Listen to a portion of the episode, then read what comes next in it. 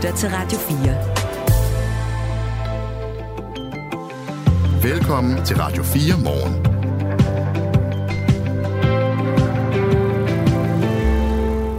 Hej Robak. Hej Kasper. Det her er Radio 4 Morgen, tre timers nyhedsmagasin, som vi laver til dig hver evig eneste hverdag. Og vi kommer egentlig til at tale om en ret ubehagelig tag i dag, så den vil jeg godt lige begynde med. En 37-årig mand døde i foråret af blodforgiftning, der ikke blev opdaget i tide. Han blev tilset af en vagtlæge i Region Midtjylland ved en såkaldt videokonsultation via kameraet i hans telefon. Konsultationen varede 12 sekunder. Det er fint. Prøv lige at gætte godt op. Så kan kigge dig ind i munden. Med hovedet tilbage. For at sige ja. Ah, ja, det er fint. Det er godt. Det, der sådan er alarmsymptomer for mig, det er, øhm, hvis du ikke overhovedet kunne drikke noget, eller hvis du ikke kunne åbne din mund, og det ser fuldstændig fint ud. Så, øhm, så det øhm, ser du an til i morgen, hvis smerten stiller, så snakker du med din egen læge. Og i morgen, og næste gang du ringer, så er det ikke noget med akutknappen til sådan noget her. Johan Nielsen hed manden her. Han døde 12 timer senere. Det rejser nogle spørgsmål i forhold til, om lægerne egentlig har mulighed for at opdage kritiske sygdomme ved sådan et Zoom-opkald med en lille video per telefon. Den her tragiske historie ruller vi ud her hen over morgenen, og vi begynder med at se nærmere på selve opkaldet om cirka 10 minutter. Og i dag der modtager tidligere anbragt i det, der engang hed Sær- og Åndssvageforsorgen en undskyldning fra regeringen. Undskyldningen kommer efter en udredning, der har vist, at børn, unge og voksne blev udsat for massiv svigt og overgreb i årene fra 1933 til 1980.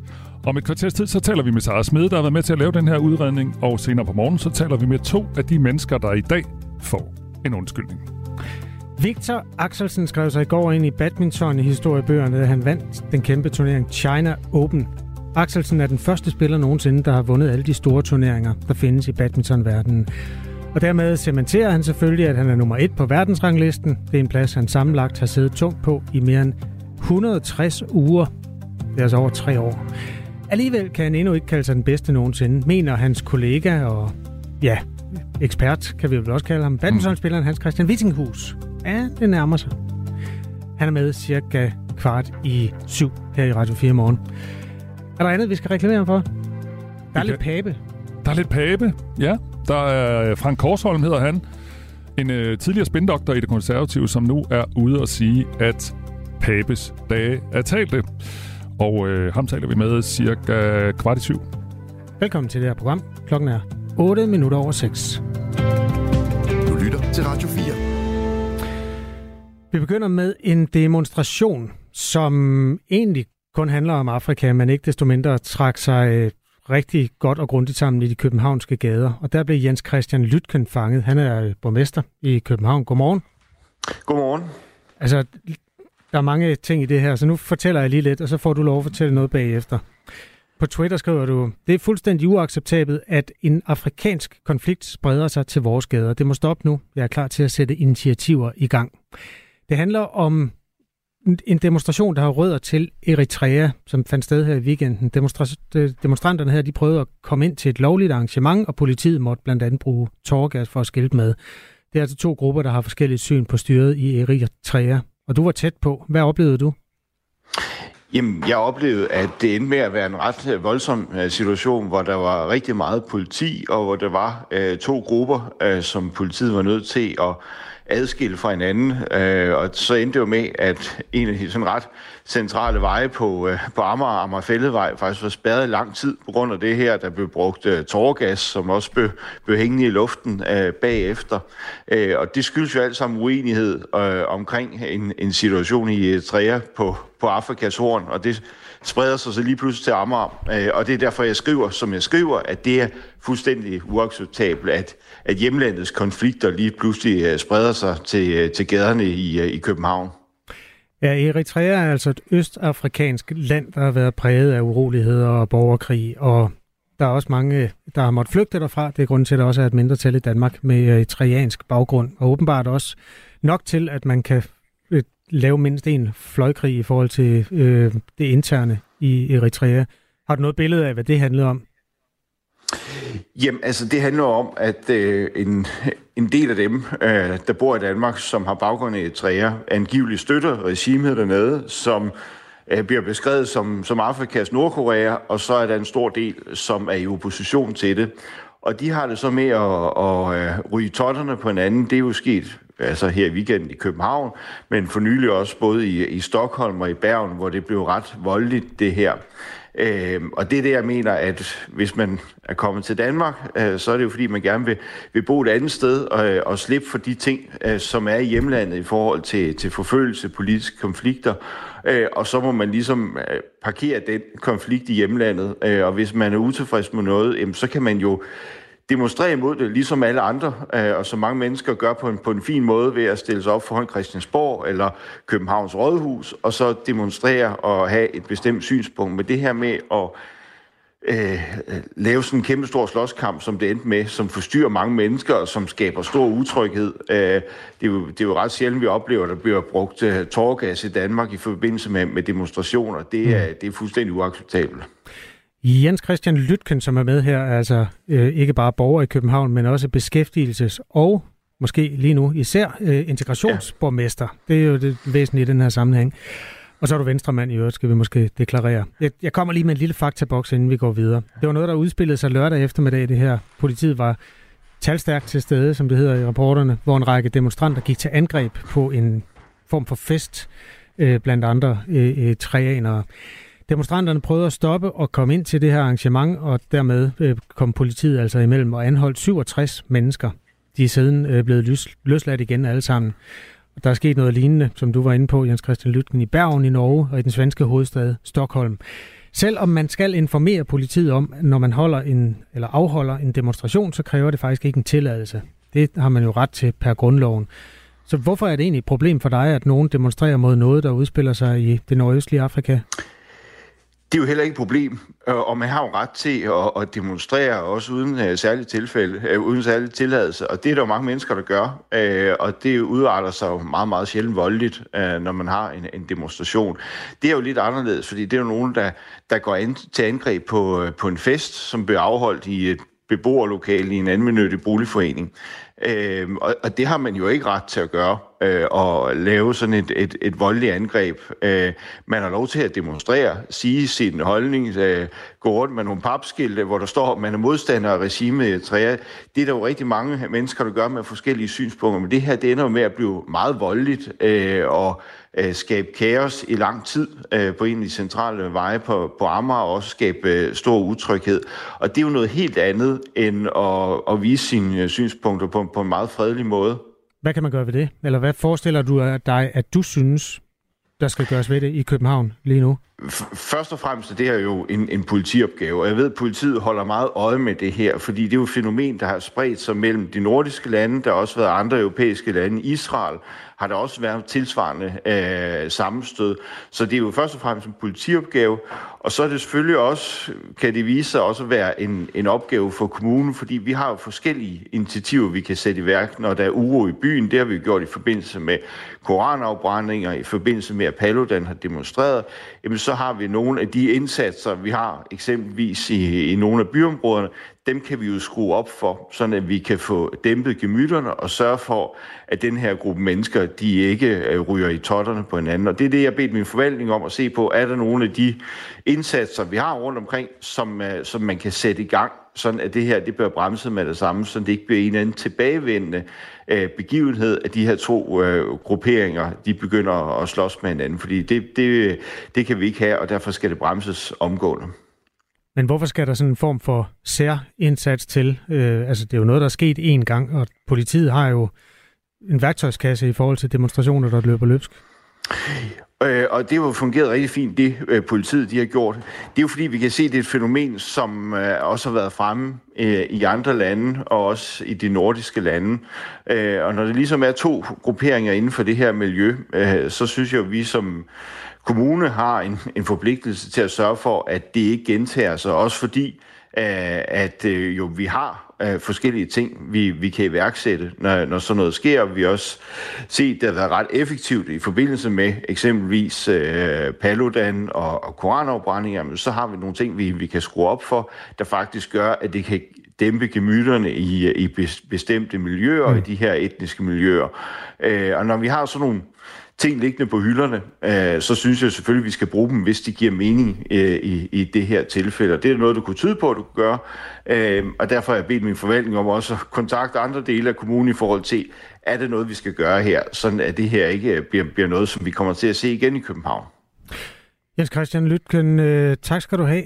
Jeg skal bare lige høre her til sidst, var, var der noget i den der demonstration, der var sådan, altså så du demonstranterne, og op, hvad havde du sådan førstehåndsindtryk af det? Øh, som sådan, eller var det mere politiindsatsen? Ja, ja altså jeg vil sige, at der var jo, som I siger, uh, talstærk politi. Jeg, jeg så uh, mange demonstranter, der var ret mange af dem, der var anholdt. Øh, og så blev vi jo så øh, bedt om at gå en anden vej, øh, fordi de simpelthen spærrede hele vejen af. Ja. Øh, og der, der så jeg ret mange af dem, der så også øh, kom løbende i, i forskellige retninger osv. Øh, men jeg så ikke, altså, jeg så ikke nogen, der råbte slagord på den måde. Det var mere, at, øh, at jeg så folk, der, der blev anholdt. Øh, så jeg, jeg kom sådan lige en anelse senere, end, end, end, end, end jeg kunne se sådan selve demonstrationen. Det var mere Alright. anholdelserne, jeg så. Godt. Øhm, Bare lige for at få den faktuelle del på plads også. Tak skal du have. Ha' en god dag. Selv tak. Tak. Hej. Hej, hej. Jens Christian Lytken er altså øh, integrationsborgmester blandt andet i København. Og klokken den er blevet 16 øh, minutter over 6, og din værter her til morgen, det er Kasper Harbo, og det er Michael Robach. Og du kan blande dig som sædvanligt på 1424, hvis du har noget, du gerne vil af med, og gerne vil blande dig i debatten, eller synes, der er noget, vi skal kigge på, eller du har nogle gode spørgsmål. Nu skal vi have en lille reklame. På Radio 4 får du hver uge nyt fra de aktuelle politiske dagsordner. Forsvaret bløder personel som aldrig før. Vi taler med dem, der mærker konsekvenserne. Jamen, det står rigtig alvorligt til. Hver fjerde kollega mangler. Og søger svar hos magthaverne. Jeg tror bestemt ikke, der er en oplevelse i vores øh, kreds af allierede om, at vi har svigtet. Bliv opdateret på dansk politik alle hverdage kl. 11.05. Johan Nielsen er en 37-årig øh, mand, eller det var han, fordi han døde i foråret af en blodforgiftning, som ikke blev opdaget i tide. Han havde været syg med høj feber i fem dage. Mange af hans symptomer lignede det, som vi og lægerne kender fra influenza. Han blødte blandt andet også fra næsen. Øhm, på femte dagen, der ringede han til vagtlægen, fordi han syntes, det blev værre og værre. Det opkald skal vi høre lige om lidt. Og altså, ja, det blev værre og værre. Han døde 12 timer efter det her opkald. Det, man skal lægge mærke til, er, udover at øh, lægen giver ham en irettesættelse for at bruge noget, der hedder akutknappen. Det, man skal lægge mærke til, det er, at lægen kigger på ham på en skærm. Og det er så, fordi han sidder derhjemme, og så er det via hans telefon, at han er i stand til at vise lægen, hvordan han ser ud. Og det er jo den nye form for vagtlægeundersøgelse. I stedet for at køre igennem byen og sidde i et venteværelse, og så komme ind til vagtlægen, så kan man bare øh, tænde for Zoom på sin telefon i 12 sekunder. Her er hele opkaldet. Lægevagten, det det er Johan Nielsen. Hej. Hej. Jeg øh, har haft øh, 39 feber i ja, fem, fem dage. Mm. Og det bliver ikke bedre. Nej, hvorfor ringer du akut knap? Fordi jeg er nummer 42. Ja, det. men det er til folk, der har blodprop i hjertet og sådan noget. Det må du altså ikke.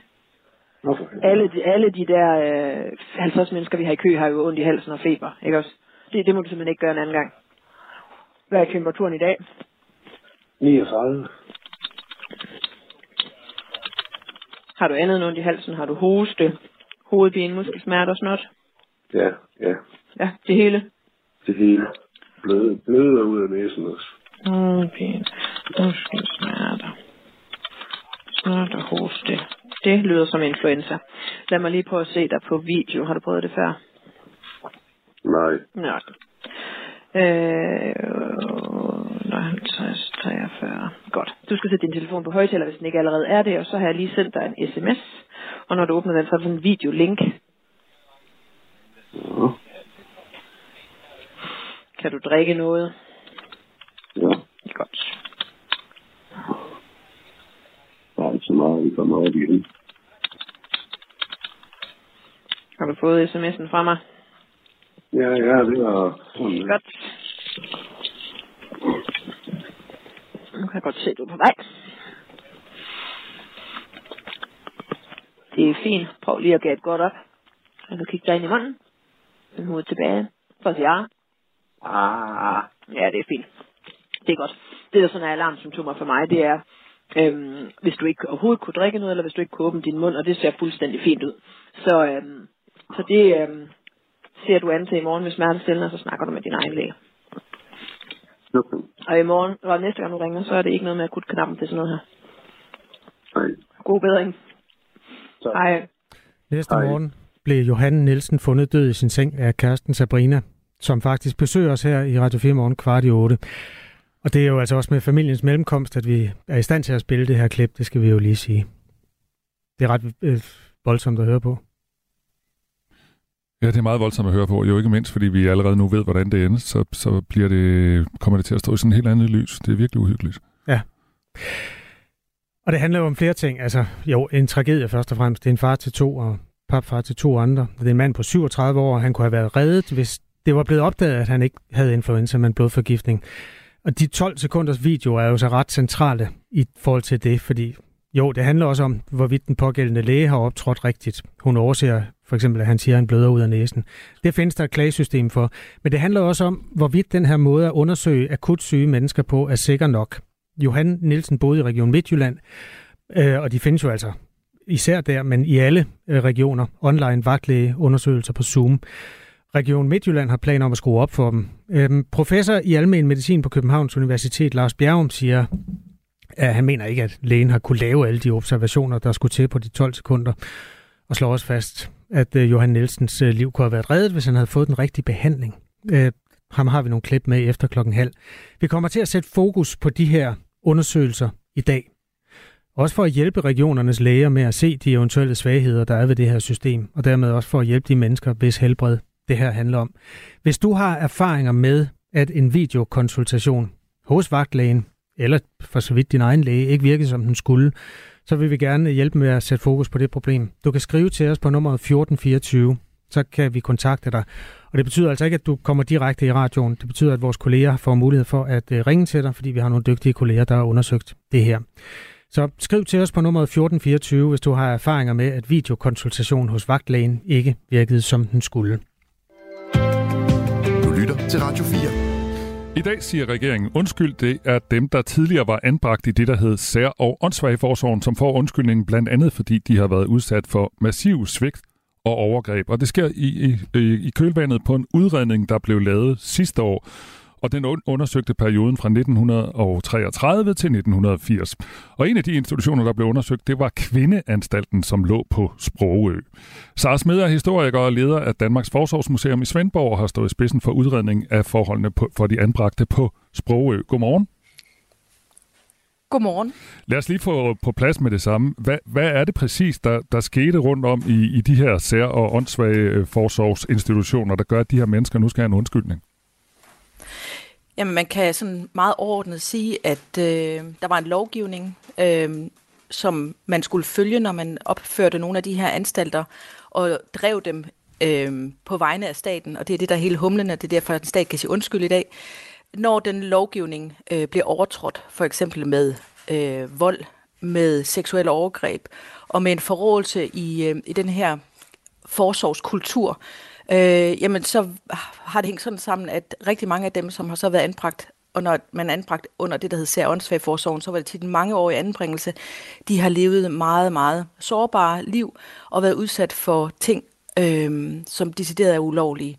Men også været udsat for ting, som var lovlige, men som vi efter nutidens, øh, kan vi sige, menneskesyn og principper om, hvordan man hjælper øh, mennesker for eksempel med handicap, øh, ikke øh, synes på nogen måde ok, som for eksempel er øh, meget voldsomme fixeringer, eller det der, nu fremhæver du eksemplet med kvindeanstalten på Sprogø, det her med at foretage et indgreb i forhold til at ikke skulle kunne få børn, altså blive steriliseret, fordi man vurderede, at de her kvinder bare på degenereret øh, arvemasse, som man gerne vil sætte en stopper for. Så det er både overgreb, som inden for datidens gældende lovgivning på ingen måder var acceptabel, man måtte selvfølgelig ikke slå på de her anstalter. Det var, det var der desværre mange eksempler på, også meget voldsom vold. Øhm, og desuden så er der de her, den her behandling, som vi også efter nutidens standarder og principper ikke synes, at vi på nogen måde bør være stolte af. Var, er det sådan, at det sådan i grove træk var alle øh, institutioner, som opførte sig dårligt, hvis det er det rigtige udtryk, eller, eller var det nogle særlige institutioner, hvor det var særligt gralt? Det var på ingen måde alle institutioner. Men jeg vil sige, fordi der, det, vi er oppe i mange hundrede, og øh, vi har i, i den her udredning, øh, som er den største anlagte af sin art, øh, jo ikke kunne spore alle de her knap 500 øh, institutioner og anstalter på øh, den her lange periode. Men vi har lavet en, en, nogle meget, meget brede øh, øh, punktstudier, som har kunne påvise, at det var meget, meget udbredt. Men, men det, der er så ja, tankevækkende, det er, at selvom du kunne have den samme anstalt, så kunne der være en afdeling, som var veldrevet, og som der ikke havde de her øh, eksempler på vold og overgreb, bare for at give den eksempel, det eksempel. Og så kunne der have en anden anstalt, som var drevet øh, øh, på, de, på, på, på de præmisser, hvor for eksempel det her med at, at vise omsorg, eller øh, altså vi har eksempler på, at øh, det var, det var meget illeset og decideret øh, noget, der blev slået ned på, hvis du som plejer på nogle af de her anstalter øh, vist nærhed til en af de her, altså sådan en, en, et, et kram eller et, et, en, en lille form for forsorg med omsorg, så var det noget, der blev set ned på, fordi det der i høj grad blev sådan plæderet, det var, at det var de her tre R'er, ro, renlighed og regelmæssighed, og at mange af de her mennesker, som vi så også har talt med, jamen de beskriver, hvordan det, det, hvordan det var at, at blive set som et objekt øh, på et samlebånd, selv i badesituationer, eller når man besøger, eller når man spiser, øh, bespiser, i stedet for at være et menneske med følelser og, og med en personlighed, som der også skulle tage, tages hensyn til. Bare på nogle afdelinger, der kunne det blive fuldstændig, ja, øh, skudt til side, det var sådan, man skulle se de her mennesker og borgere med handicap, og så på en anden afdeling, der, der, der, der kunne man godt formode det. Men jeg vil lige sige, inden for især åndssvageforsorgen, som er en af de her forsorgsgrene, der er der altså en, en, en klar overvægt på, at det har været mere, mere udbredt, end det har været sjældent set. Undskyldning, den øh, bliver markeret ved et arrangement i dag i Horsens, og tidligere der har de her godhavnsdrenge også fået en officiel undskyldning fra statsminister Mette Frederiksen, og øh, det skete efter, at drengene havde oplevet både fysisk vold, seksuelt misbrug og verbale ydmygelser på det her drengehjem. Og 22 grønlandske børn fik også en undskyldning efter, de var blevet sendt til Danmark i 1951, og det fik store konsekvenser for børnene og deres familier, altså at de blev sendt til Danmark. Jeg taler med Sara Smed. Hvad tror du, den her øh, undskyldning betyder for alle de her tidligere anbragte i sære og åndssvageforsorgen? Altså jeg vil lige drage en parallel til det eksempel, du gav omkring Godhavnsdrengene og alle de andre tidligere børnehjemsbørn, for det var en bred undskyldning, alle de andre tidligere børnehjemsbørn, som også har været udsat for svigt og overgreb i deres anbringelser. Jeg tog også del i den øh, ceremoni, og jeg har også efterfølgende talt med rigtig mange af de tidligere børnehjemsbørn. Og noget af det, de beskriver, øh, de har været udsat for, er det jo også nogle af de samme paralleller, vi ser her i dag, og det øh, ved den undskyldning, der er blevet givet i dag. Og det er samtidig også rigtig mange børn og unge, som øh, har været anbragt i kraft af et handicap, men som jo også har oplevet den her, den her dehumaniserende og meget krænkende øh, tilgang til det at, at passe på dem, som man jo egentlig skulle som stat øh, og som institution. Øh, det er rigtig mange bevidner, det er, at de jo egentlig har prøvet også under deres anbringelse at sætte ord på noget af det, de har været, ansat, øh, været udsat for, øh, men aldrig blevet troet på. Det og det er også det, de tidligere børnehjemsbørn fra blandt andet Godhavn har bevidnet, øh, det er, at når man så endelig bliver troet på, når man fra statens øverste myndighed på vegne af regeringen siger undskyld, så er det et bevis på, at det man gennemlevede, det man måske også turde sætte ord på, øh, i, i, i samtidig man ikke bliver troet på, det man har brugt med sig af de her svære, svære minder, som har ligget inde i en, de bliver ligesom taget ud og de, der, de bliver, der bliver sagt, det her var ikke okay, det var ikke dig, der gjorde noget forkert. Øh, vi skulle have handlet som, øh, som, øh, som stat på vegne af for eksempel et forbedret tilsyn, vi skulle have opdaget de her ting, og det gjorde vi ikke det undskyld for. Det frisætter simpelthen en fysisk, ofte byrde af skyld og skam, som de her mennesker har båret med sig i årtier. Øh, og de bliver anerkendt som en del af, af, af den danske befolkning, og mm. fordi at de har været anbragt øh, i kraft af et handicap, eller hvis de nu også har været anbragte børn under børneforsorgen, jamen det betyder ikke, at de på nogen måde er en mindre værdifuld øh, del, af vores befolkning. Og sådan en undskyldning som den her er med til at hele de her sår og vise, at man også er del af fællesskabet. Sådan sagde Sars med, som er historiker og leder af Danmarks Forsorgsmuseum i Svendborg. Tak fordi du ville øh, gøre os klogere på den her sag, Sars. Velbekomme. Og klokken lidt over halv ni, der taler vi med to, der tidligere var anbragt i Særåndsvag Forsorgen, som det hed dengang, og de skal til det her arrangement, der foregår i Horsens i dag, hvor de får en undskyldning. Ja, det er altså dansk socialpolitik, som den så ud for 80, 70, 60 år siden, mm. indtil man øh, holdt op øh, med det her. Man kan, hvis man sådan er til mere populær kultur, få et indblik i, hvordan det egentlig var, hvis man ser filmen. Eller læse en bog, læse bogen øh, Journal 64 den skrev Jussi Adler Olsen. Og er jo blandt andet fortællingen om en af de kvinder, eller nogle af de kvinder, der var på Sprogø, fortalt gennem lige præcis en af dem. Det er stærke sager, og vi får altså to af de her mennesker, som har levet hele livet efterfølgende i studiet lidt senere. Godt, øh, det vi ved er, at vi kommer til at se nærmere på blandt andre Søren Papes, øh, sådan lidt slingerne formandsstatus. Lige nu er klokken halv syv. Nu er der nyheder på Radio 4. Der skal ske drastiske ændringer på en lang række områder, hvis det danske sundhedsvæsen skal fremtidssikres. Blandt andet bør der prioriteres hårdere i opgaverne, og ikke alle borgere skal tilbydes det samme, så lyder det fra Søren Brustrøm, formand for Robusthedskommissionen, i et interview med Jyllandsposten. Her udlægger formanden nogle af de overordnede linjer af kommissionens anbefalinger, som offentliggøres i dag. Ændringerne er nødvendige, men det er vigtigt på forhånd at gøre klart, at mange vil opleve nogle af ændringerne som serviceforringelser, siger Søren Brostrøm til avisen. Han nævner som eksempel, at nogle borgere efter et kraftforløb vil kunne klare sig med digitale løsninger som alternativ til kontrolbesøg på et hospital. Robusthedskommissionen blev nedsat sidste år. Den skal komme med anbefalinger til, hvordan der skabes mere tid til kerneopgaverne i sundhedsvæsenet, og hvordan der sikres mere personale. En anbefaling lyder ifølge Jyllandsposten, at medarbejdere, der i dag kun arbejder i dagtimerne, skal begynde at tage vagter på skæve tidspunkter eller på helligdage. Det vil for eksempelvis kunne være en fysioterapeut, som tager en nattevagt på en skadestue. Ukraine har op mod 45 dage før vejret begynder at besværliggøre den modoffensiv, der skal sparke de invaderende russiske styrker ud af landet. Så lyder det fra USA's topgeneral Mark Milley i et interview med mediet BBC. Der er stadig en rimelig mængde tid, nok omkring 30-45 dages kampvejr tilbage, så ukrainerne er ikke færdige, siger han. I samme interview indrømmer Milley, at modoffensiven er gået langsommere end forventet, men at voldsomme kampe stadig er undervejs. Modoffensiven har indtil videre kun ført til mindre fremskridt, men ukrainske generaler hævder at have brudt igennem Ruslands første forsvarslinje sydpå.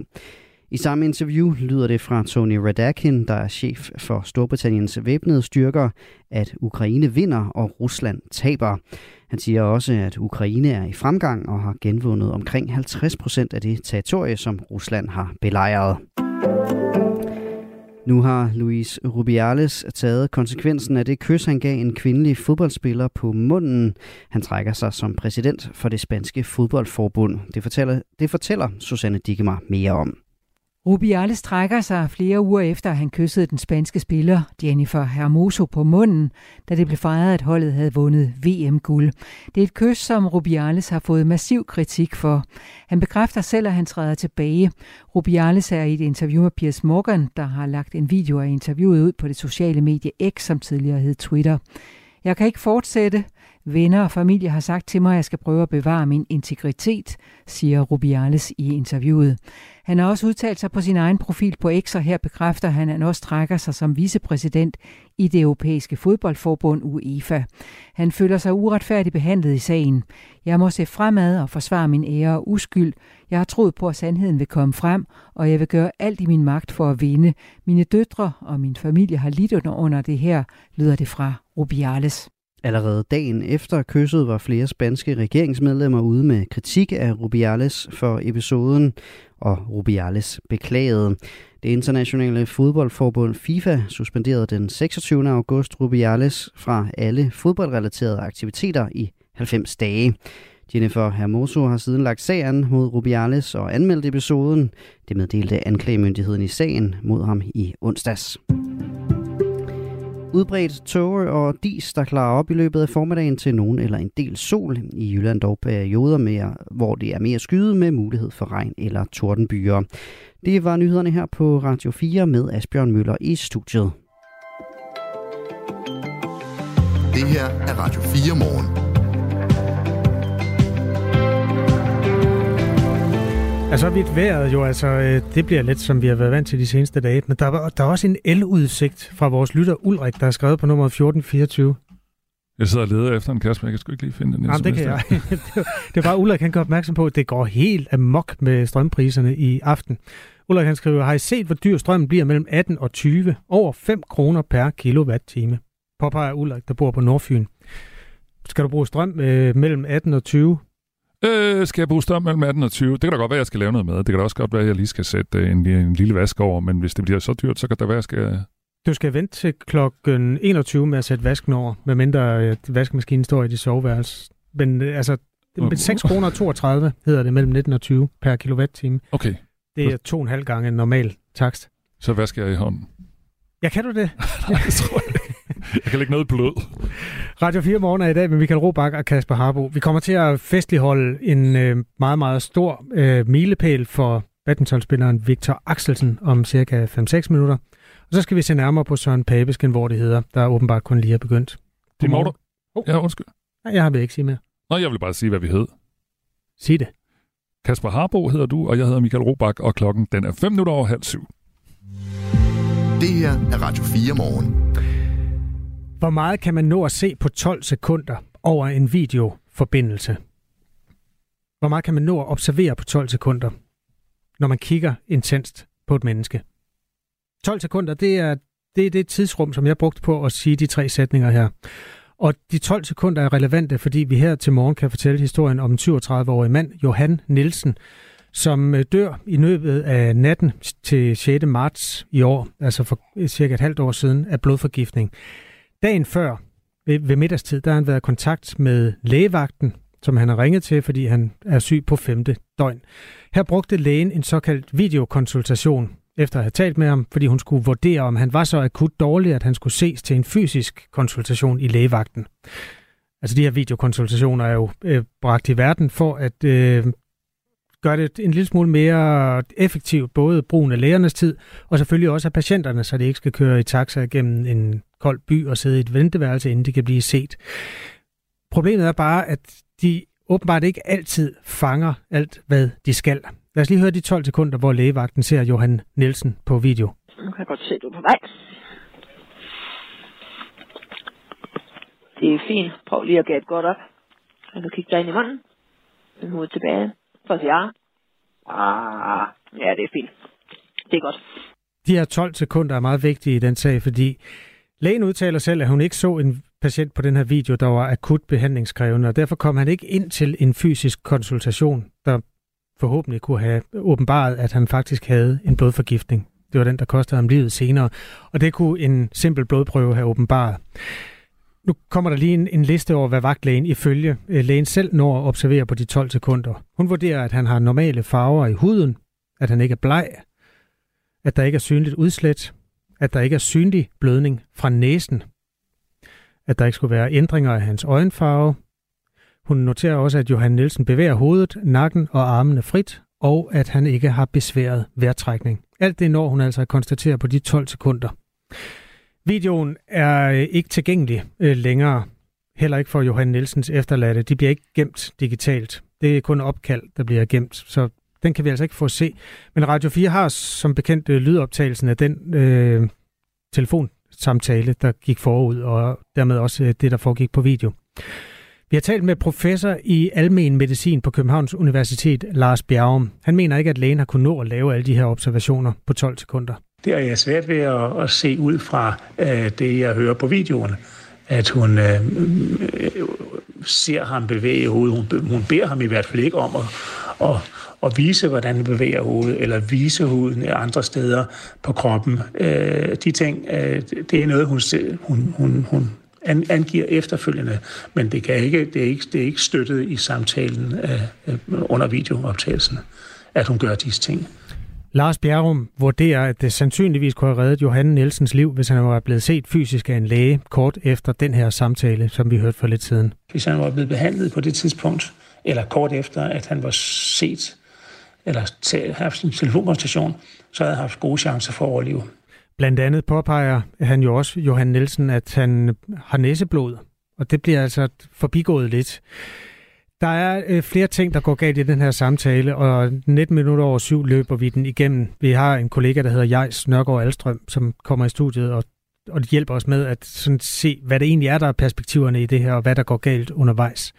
Der er flere mennesker, der skriver til os øh, desangående. Nogle er selvfølgelig rystet og indineret, og man bliver rystet første gang, man hører det lydklip. Altså, det er jo, det er jo så tragisk, som det overhovedet kan være. Der er også nogen, der spørger, øh, hvad der efterfølgende er sket med den her øh, læge. Og der er jo simpelthen et system for den slags. Der er jo et system, der slår fast, om en læge har fejlbehandlet eller hvad. Fordi der er jo også nogle hensyn, der skal tages over for den her læge. Hun har selvfølgelig alt mulig retssikkerhed. Og var jo også øh, under det pres, som det fremgik af samtalen, at der er 50 mennesker i kø. Og spørgsmålet er jo i den sidste ende, om lægerne har de rigtige værktøjer til at kunne hjælpe mennesker som Johan Nielsen ordentligt, eller en videokonsultation måske er en lidt falsk tryghed. De perspektiver ruller vi ud i løbet af morgenen, eller faktisk i løbet af ugen. Vi har flere øh, historier om det her fænomen, videokonsultationer. Hvis du har oplevet dem, enten ved vagtlægen eller din egen læge, og oplevet, at, at de ikke virkede efter hensigten, så må du meget gerne skrive til os på nummer 1424. Klokken er 20 minutter over syv. Du lytter til Radio 4 morgen. Badmintonspilleren Victor Axelsen skrev sig i weekenden ind i historiebøgerne med sin sejr i China Open er danskeren den første nogensinde, der har vundet alle de største turneringer. Og selvom han har ligget nummer et på verdensranglisten et godt stykke tid øh, nu, så trækker han yderligere fra øh, resten af feltet med den her sejr i går. Det er den historie, vi skal til, og nu er jeg lidt i tvivl om, om vi har vores øh, næste gæst med. Har du fået nogle beskeder, Kasper? Jeg tror ikke, han er der endnu. Eller hvad? Hvis Christian? Hans Christian. det går godt. Nej, ah, ikke endnu. Ikke endnu. Men det handler jo altså om, at øh, øh, Victor Axelsen i går vandt øh, China Open over kineseren Lu Guangzhou. Øh, og øh, det er derfor, vi skal fejre, at øh, Victor Axelsen altså nu har vundet alle de største turneringer. Og vi skal fejre det i selskab med Hans Christian Wittinghus, der selv er badmintonspiller og i øvrigt også er dansk mester. Mens vi venter på det, så kan vi da øh, tage armene op og fejre, at Danmark også er som fodbold, herrefodboldnation betragtet kommet et skridt øh, nærmere den EM-slutrunde, der skal finde sted i Tyskland næste år. Danmark vandt jo med nogen besvær. Jeg ved ikke, om du med nogen besvær fik set den kamp. Den var fandme kedelig. Ja, det var helt vildt kedelig. Altså, men, men, men ja, man bliver jo sådan lidt... Altså, jeg gik i seng med den. Jeg gik i seng lige, da den var færdig, fordi jeg skulle tidligt op. Og på arbejde, man gik i seng sådan mellem fornøjet, ikke? Også fordi man tænker, det var da mm. dejligt, vi vandt. Det var ja. jo det vigtigste, fordi ja. vi var gerne med til EM, og vi var ja. kommet i verdens nemmeste pulje, var vi ellers øh, blevet enige om. Men den måde, vi vandt på, ah, ja, det var det, lidt trist. Det var ikke noget festfyrkeri, men altså, de tre point er jo det væsentlige, at Danmark ligger nummer et i puljen nu. Og ja. man skal også bare huske, at det er ikke nogen naturlov, at man vinder sine fodboldkampe. Tyskland, som plejer at være en stormagt i europæisk topfodbold, har lige fyret landstræner Hansi Flick, Ja, de tabte til Japan, ikke også? Jo. Det er ikke nogen, tyskerne skal tabe til. Nej, for sådan. Det går langt tilbage. Det er jo gammel, en gammel allieret. ja. øh, de tabte med 4-1, og det var den sjette venskabskamp i træk, hvor øh, Tyskland så kun har vundet én. Tyskland behøver ikke spille kvalifikation, fordi Tyskland er jo værtsnation ved det der EM, og det skal de åbenbart øh, være glade for. Nu skal de have ny øh, landstræner. Indtil videre er det sådan en trio af nogle af de dygtige folk fra forbundet, der har taget over, blandt andre, blandt andre gode gamle Rudi Føller. Så det skal nok gå. Det skal nok gå. Og mens vi har snakket om fodbold, så har vi fået øh, hul igennem til Hans Christian Witting, Wittinghus, der er badmintonspiller og i øvrigt også dansk mester. Godmorgen. Lad os lige prøve en gang til. Det er min fejl, det her. Det er, fordi jeg tænder for den forkerte. Hans Christian, der er du ikke også? Jo, jeg er her. Ja, det er godt. Sorry. Det er godt. Godmorgen. Velkommen. Undskyld. Og lad os lige til dem, der lige er kommet på, øh, lige fortælle, hvorfor vi har ringet til dig, Hans Christian. Øh, det, vi skal nemlig tale om din kollega Victor Axelsen, øh, Axelsen, som i weekenden skrev sig ind i historiebøgerne med sin sejr. I China Open er danskeren den første nogensinde, der har vundet alle de største turneringer. Wittinghus, hvor stort er det her? Jamen, det er kæmpestort. Altså, det her, øh, jeg vil sige, det er en fuldstændig vanvittig præstation, at han har vundet alle de store. Øh, et er, at man skal være super dygtig til badminton for at gøre det, men øh, du skal også formå at, at kunne spille dit bedste under meget forskellige øh, forhold, for det er ikke det samme at spille Indonesia Open, som det er at spille China Open og Malaysia Open osv. Ja, Victor han har nu bevist, at han, han kan gøre det i alle arenaerne. Øh, ligegyldigt hvad, så, øh, så kan han være den bedste, og det er, det er en fænomenal rekord, og det siger jo alt, at ingen af de andre helt store legender, de har opnået det før ham. Nu tager jeg et lille kampreferat. Jeg er sikker på, at du så den i går. For dem, der ikke så den, så ja. Øh, gik kampen nogenlunde sådan her. Axelsen vandt øh, 2-0 i sæt over kineseren Lu Guangzhou, og han vandt første sæt 21-16, men det var kineseren, der kom klart bedst fra start i andet sæt. Axelsen kom hurtigt bagud, og det så altså ikke ret godt ud, da der pludselig stod 18-12 øh, på pointtavlen, men med seks gode point i streg, der lykkedes det altså danskerne at komme op på 18-18. Og så lykkedes det ham at beholde det her momentum og vinde andet sæt 21-19. Hvad er det, der gør, at Victor Axelsen, øh, Axelsen kan lave sådan en comeback her?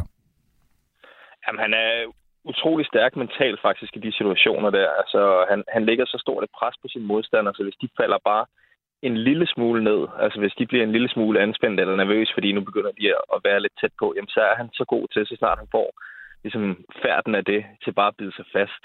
Og så begyndte hans defensiv stille og roligt at fungere bedre og bedre, og så kunne kineserne altså bare ikke score point på ham længere. Øh, og når man ikke kan score point på Victor, øh, så, så kan man næsten lige så godt give op. Øh, altså, det, det, det er stort set umuligt at slå ham, hvis, øh, hvis ikke du kan score noget selv, og det, det kunne kineserne slet ikke til sidst i, øh, i andet sæt. Hans Christian Wittinghus er altså med os her, øh, dansk mester i badminton, for at anmelde kollega Victor Axelsens seneste meritter. Hvorfor er det egentlig forskelligt, det sagde du Hans Christian Wittinghus, at, at vinde på en badminton i Kina og en badmintonbane i Indonesien? Jamen lige netop Kina og Indonesien, der er kæmpe forskel på selve arenaen, man spiller i. Altså i Kina, der er det som regel en, en stor arena med mega højt til loftet og, og langt ud til tilskuerne, og det, det giver en fornemmelse af, at spillet det går øh, væsentligt langsommere og bliver meget mere fysisk præget. Hvor øh, hallen, som vi som regel spiller i Indonesien, der er ekstremt meget larm. Du kan nærmest ikke engang høre, hvad du selv tænker derinde, eller hvad træneren siger der er kortere ud til tilskuerne. Det hele går meget hurtigere, og det bliver sådan lidt hurtigere og lidt mere i gåsøjne tilfældigt spil. Øhm, så det, det er lidt forskellige fornemmelser, man får derinde, og lidt forskellige typer spil, øh, man kommer til at spille, fordi forholdene er bare forskellige. Øhm, og så er der hele aspektet omkring, at der er med og mod, og også lidt sidevind nogle gange i hallerne, som, øh, som påvirker øh, fjerbold. Så det gør bare, at forholdene er ikke, er ikke ens i, uh, i de forskellige store arenaer, vi spiller i. Når vi nu snakker om det her med de her forhold, man spiller under, hvor, hvor meget mm. betyder så den mentale styrke? Altså, hvor, hvor, hvor, hvor, hvor, hvor stærk er Victor Axelsens mentale styrke? Jamen, den er mega stærk. Altså, det er et af de punkter, hvor jeg føler, at han har udviklet sig allermest, hvis du kigger på de sidste 5-6 år. Øhm, Udover fysikken, som nok er det andet punkt, jeg, jeg, jeg vil nævne, så, så er det mentalt virkelig der, hvor han, øh, han bare har lagt på. Øhm, og når man spiller på, øh, på det, jeg vil kalde medvindsiden, hvor kineseren han faktisk sluttede i går, øh, der ved man, at man, der har man svært ved selv at spille baglinjen rigtig meget, fordi bolden nemt ryger ud, og det betyder, at du kommer under et voldsomt fysisk pres. Øh, og det ligger også bare et mentalt pres, fordi du ved, at mod Victor Akkersen, hvis du gør det, jamen så, så er det altså tæt på umuligt øh, at slå ham. Øh, og der, der, der ligger det bare sådan et kæmpe mentalt pres på en, at man ved, at man står derovre, hvor det er lidt svært, og man kan ikke så godt spille Victor rundt på, øh, på hele banen. Øh, og det gør faktisk, at folk tit bliver øh, en lille smule modløse mod ham. Øh, og det er, ja, det er både på grund af det fysiske pres, men bestemt også det mentale pres, som han ligger. Nu har vi jo ringet til dig, fordi nu har han vundet alle de store øh, badminton-turneringer. Mm. Er han sådan øh, den bedste nogensinde i badminton-historien af mandlige spillere? Jamen, det er jo det, der er helt vanvittigt at kunne sige. Det, det, det synes jeg bestemt ikke, at han er. Øh, men jeg synes, han, er, han begynder at nærme sig Lindan. Men øh, altså, Lindan fra Kina øh, er der stadig lige et stykke vej op til. Han har... Øh, fem VM-titler, øh, to OL-guldmedaljer, han har seks All England-titler, og der er Victor ikke helt op endnu. Øh, men nu har han da i hvert fald øh, opnået noget, som Lindan ikke har. Lindan, han mangler jo Indonesia Open, ellers har han vundet alle de andre, mm. som, som Victor også har. Men ja, jeg vil stadig sige, at der er lige et lille stykke vej op til, til Lindan, men jeg har svært ved at se, hvem der skulle komme med et argument for, at Victor han ikke er første udfordreren i, i rækken til Lindan. Øh, det er fuldstændig uden for dagsordenen, det her, Hans Christian Wittinghus, men det er så sjældent, jeg har mulighed for at tale med sådan en top øh, badmintonspiller som dig. Nu får du altså lige spørgsmålet. Ja. Du beskriver det der med at spille i en hal, hvor det larmer lige så meget som Roskilde Festival. Det er en af de styrker, som ja. øh, han også har, Victor Axelsen. Det, jeg har bare aldrig forstået, hvorfor, hvorfor I kan det, og tennisspillerne ikke kan det. Har I nogensinde haft en dialog på tværs af de sportsgrene om, hvorfor, hvorfor det er så forskelligt? Nej, det har vi faktisk ikke, og vi, vi stiller os tit det samme spørgsmål. Altså, øh, Ja, for vi, vi synes sådan set ikke, at det er et problem. Tværtimod, så synes vi, det er det fedeste sted at spille. Det er der, hvor der er allermest larm. Altså, det er alle badmintonspillere, de nævner i Storta Senayan, som er hallen her i, i Indonesien, som det fedeste sted at spille, fordi der er simpelthen bare konstant et lydinferno, fordi de, de er så vilde med badminton, og de, de ser det som en fest, øh, når man spiller derude. Øh, så selvom det også, øh, du bliver lidt træt i hovedet, når du, når du er der, så, så er det bare nogle fede forhold at spille under, og ja, det er ikke noget problem at koncentrere sig. Men uh, ja, jeg ved ikke, hvorfor det, hvorfor det skal være anderledes i tennis. Det, det er nok bare tradition, tænker jeg. Ja, jeg spørger også bare, fordi jeg engang fik enormt meget voksenskæld ud for at sidde og rode med en kop til en tenniskamp. ja. Lad nu det ligge. Så tager, jeg også lige, så tager jeg også lige et øh, spørgsmål lidt uden for nummer. Hans Christian Wittinghus, du er jo også rigtig god til at spille badminton. Er det egentlig fedt at være samtidig med sådan en stor spiller som Victor Axelsen, eller er det lidt nederen, at der hele tiden er en, der lige er et hestehoved foran en selv? Nej, nu synes jeg egentlig, at hele min karriere, der har været nogle forskellige, der har været noget bedre end mig selv. Øh, det vil sige, det, det, det ser jeg ikke som, uh, som noget problem. Tværtimod, så uh, har Victor været med til at gøre det muligt for mig at være med til at vinde uh, VM for hold Thomas Cup i sin tid i, i 2016. Uh, uden Victor på holdet, så havde vi ikke vundet. Uh, så han har været med til at få mig til at udleve en af mine drømme. Uh, og så har jeg fået lov at træne med ham i, uh, ja, i hvert fald i 10 år inde på landsholdscenteret. Det har også været med til at, at højne mit niveau. Uh, så, så jeg ser det overhovedet ikke som nogen ulempe. Tværtimod, så ser jeg det som, uh, at det har været med til at, at give mig selv en bedre karriere, faktisk, end hvis Victor ikke havde været der. Du er en god kammerat. Tak fordi vi måtte ringe op, øh, Hans Christian Wittinghus. Ja, selv tak. Selv tak. Det var en fornøjelse. Ja, selv tak. Øh, og øh, vi talte jo om det her med, at Victor Axelsen har vundet China Open, og han fik også lige lidt penge på bogen, fordi han fik også en pengepræmie på 975.000 kroner. Det her er Radio 4 morgen. Efter en øh, sejrs hyldest for, øh, ja, for Danmarks og måske verdens største badmintonspiller lige nu, vender vi os mod en mand i den hjemlige politik, der pt. har lidt mere modstand. Den konservative formand, Søren Pape Poulsen, bliver bestormet af stemmer, der synes, han bør gå af. En af dem er den tidligere pressechef og særlig rådgiver i partiet, Frank Korsholm. Altså, valgkampen gik galt, og en række uheldige sager gik galt, og dermed er det umuligt for ham, Søren Pape, som formand at vende skuden, mener Frank Korsholm, som altså er med os nu. Godmorgen. Godmorgen. Er det ikke lidt bombastisk at sige, at han skal gå af? Altså, de fik 10 mandater. Det er, der er der mange konservative valg, der har været værre. Jo, men Søren Pape stod, man skal jo lige huske at skrue tiden tilbage der til knap et år, 1. november sidste år, hvor partiet jo i virkeligheden fik et af historiens største valgnederlag, når man måler det i forhold til de meningsmålinger, som partiet gik ind i valgkampen på så tabte de jo, jeg ved ikke hvor mange 100 procent, men de gik jo fra meningsmålinger på 16 procent ned til et valgresultat på 5,5. Ja. Og selv de 5,5 procent var jo et valgnederlag, hvor de er smidt, hvor de smed øh, cirka 20 procent af deres vælgere. Så det, det er et, et, et øh, resultat, der går over i historien. Det burde Søren Pape have taget konsekvensen af allerede på valgnatten. De der 16 øh, procent, som var de rigtig gode tider for Søren Pape og meningsmålingerne i det konservative Folkeparti. Det var jo også på grund af Søren Pape. Altså, han var jo også en person, der fodrede partiet med en masse opgang. Det var, det kan man ja selvfølgelig sige, men det var jo også en situation, hvor han lukrerede på, at der var en kæmpe krise i Venstre. Venstre blev jo kløvet i to partier. Øh, de blev, og Danmarksdemokraterne opstod der hen over sommeren, eller lige før sommeren, og, øh, og så kom Lars Lykke jo med Moderaterne, så konservative der, og øh, Søren Pape høste jo gevinsterne af den kæmpe krise, som Venstre var igennem. Jeg taler med Frank Korsholm, der har været pressechef og særlig rådgiver i Konservative. Er du medlem af partiet stadigvæk, Frank Korsholm? Øh, nu har vi jo... Øh, nej, det er jeg ikke. Øh, men, men det er jo ikke noget, man sådan... Øh, det, det er jo en, en, en statshemmelighed, han har sagt, hvad folk de er medlem af. Men jeg kan godt røbe, at jeg ikke er medlem. Cool nok. Det er også bare fordi, når du nu bliver øh, sådan, får taletid på den her, så kan det være, at folk også gerne vil vide, hvor mange aktier du egentlig har i partiet, om du, øh, om du vil dem det bedste, og så videre, og så videre. Vil du egentlig det? Ja, det vil man som politisk analytiker, der analyserer man jo ud fra, hvad er det bedste, hvad vil det være, hvad vil være det bedste for partiet. Og det vil være, efter min bedste vurdering, at partiet får en ny formand. Er det... Får en ny begyndelse, øh, skaber sig en ny begyndelse. Det man jo kan se, nu, nu sagde jeg før, at han burde være gået af på valgnatten. Det gjorde han så ikke. Havde han så formået at skabe en fremgang for partiet i de 10 måneder, der er gået siden 1. november, så kunne man have undskyldt ham og sagt, det var sørme godt, han ikke gik af, fordi øh, han, han har jo noget potentiale i sig. Men han har jo tværtimod ført partiet til endnu større øh, vælgertab her de sidste 10 måneder. Skal man være god ved ham i meningsmålingerne, så ligger de konservative vel omkring 5 procent. Men vi ser jo også målinger, der er på 4,4 procent, altså en yderligere tilbagegang for de konservative. Og det er det perspektiv, man skal se, at han bør gå af. Han har ikke vist, at han til trods for, at den her regering SMV-regering, som han jo valgte at stå udenfor.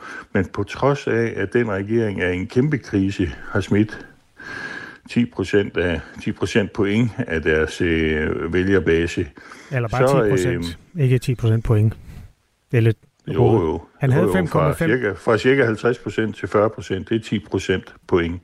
Ja, okay. Det er men... ikke 10 procent, det er 10 procent point. Jamen, så kommer der ikke nogen procent, vi taler om, men det er fordi, de havde 5,5 de havde 5,5 procent af vælgernes øh, stemmer, og det er så det, der er faldet til 4,0, ikke? Så dermed... Jo, det, det, det er så...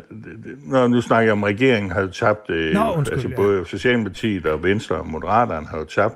Til trods for, at den her regering har tabt øh, vælgere, så har Søren Pape ikke været i stand til at samle dem op. De går okay. til Liberal Alliance. Og det er jo endnu et tegn på, at der ikke er vælgere, der, der, der tilvælger de konservative. Så, så, så, så han, har ikke, han har ikke vist, at han kan øh, genrejse partiet. Frank Korsholm, undskyld, vi rønnede det der kaninhul med procenter. Ja, det, kan blive noget matematisk. Ja, lad os hoppe op igen okay. af det. Der er ingen, der er i tvivl om, at konservative har problemer, og det har regeringen også, men det er så lidt en anden side af sagen. Hvis Søren Pape han nu vælger at gå af som formand, og det siger han jo indtil videre ikke, at han gør, men han beskriver det sidste år som frygteligt og sorgfuldt og meget presset. Han har talt med DR og synes heller ikke, at det, det er sådan, der er ikke noget af det, han synes er fedt heller. Men hvis nu han går af, hvem skal så følge efter? Altså er der nogen, der er bedre til det? Det, det samme spørgsmål stillede man sig i 2014, da man havde Lars Barfod som formand. Øh, hvem, skal, hvem skal efterfølge Lars Barfod? Og man kiggede sig omkring, og uha, der var så ikke rigtig nogen. Og så havde man et første valg, han sprang sig fra, det var den konservative borgmester i Høje Tørstrup, øh, Michael Siler, og så, og så kom Søren Pape ind som en nødløsning. Så det siger man altid, hvem, hvem skal følge efter. Men der skal nok komme en og følge efter. Enten er det en for partiet, der melder sig en, en Mette Abelgaard. Hun står for den socialkonservative linje. Der er en Mona Jul, som kan repræsentere noget erhvervskonservativt. Og så er der en Rasmus Jarlov, der står for noget meget stærkt nationalkonservativt. Jeg tror personligt ikke på Jarlov. Det er der ikke ret mange, der gør. Det tror jeg heller ikke, de gør i partiet. Men så kunne man jo vælge en enten Mette Abelgaard eller en Mona Jul. Tror du, han går af? Jeg tror ikke, han går af her og nu. Jeg tror, han får lidt mere tid til at kunne genrejse partiet. Det ligger jo også i kortene, at han skal genvælges på partiets landsråd her den 23. 24. september i Herning. Mm. Men på et tidspunkt, og, nu, og, og der er jo mange visser i det her, for hvis det lykkes ham at genrejse, altså få bedre meningsmålinger, få stabilitet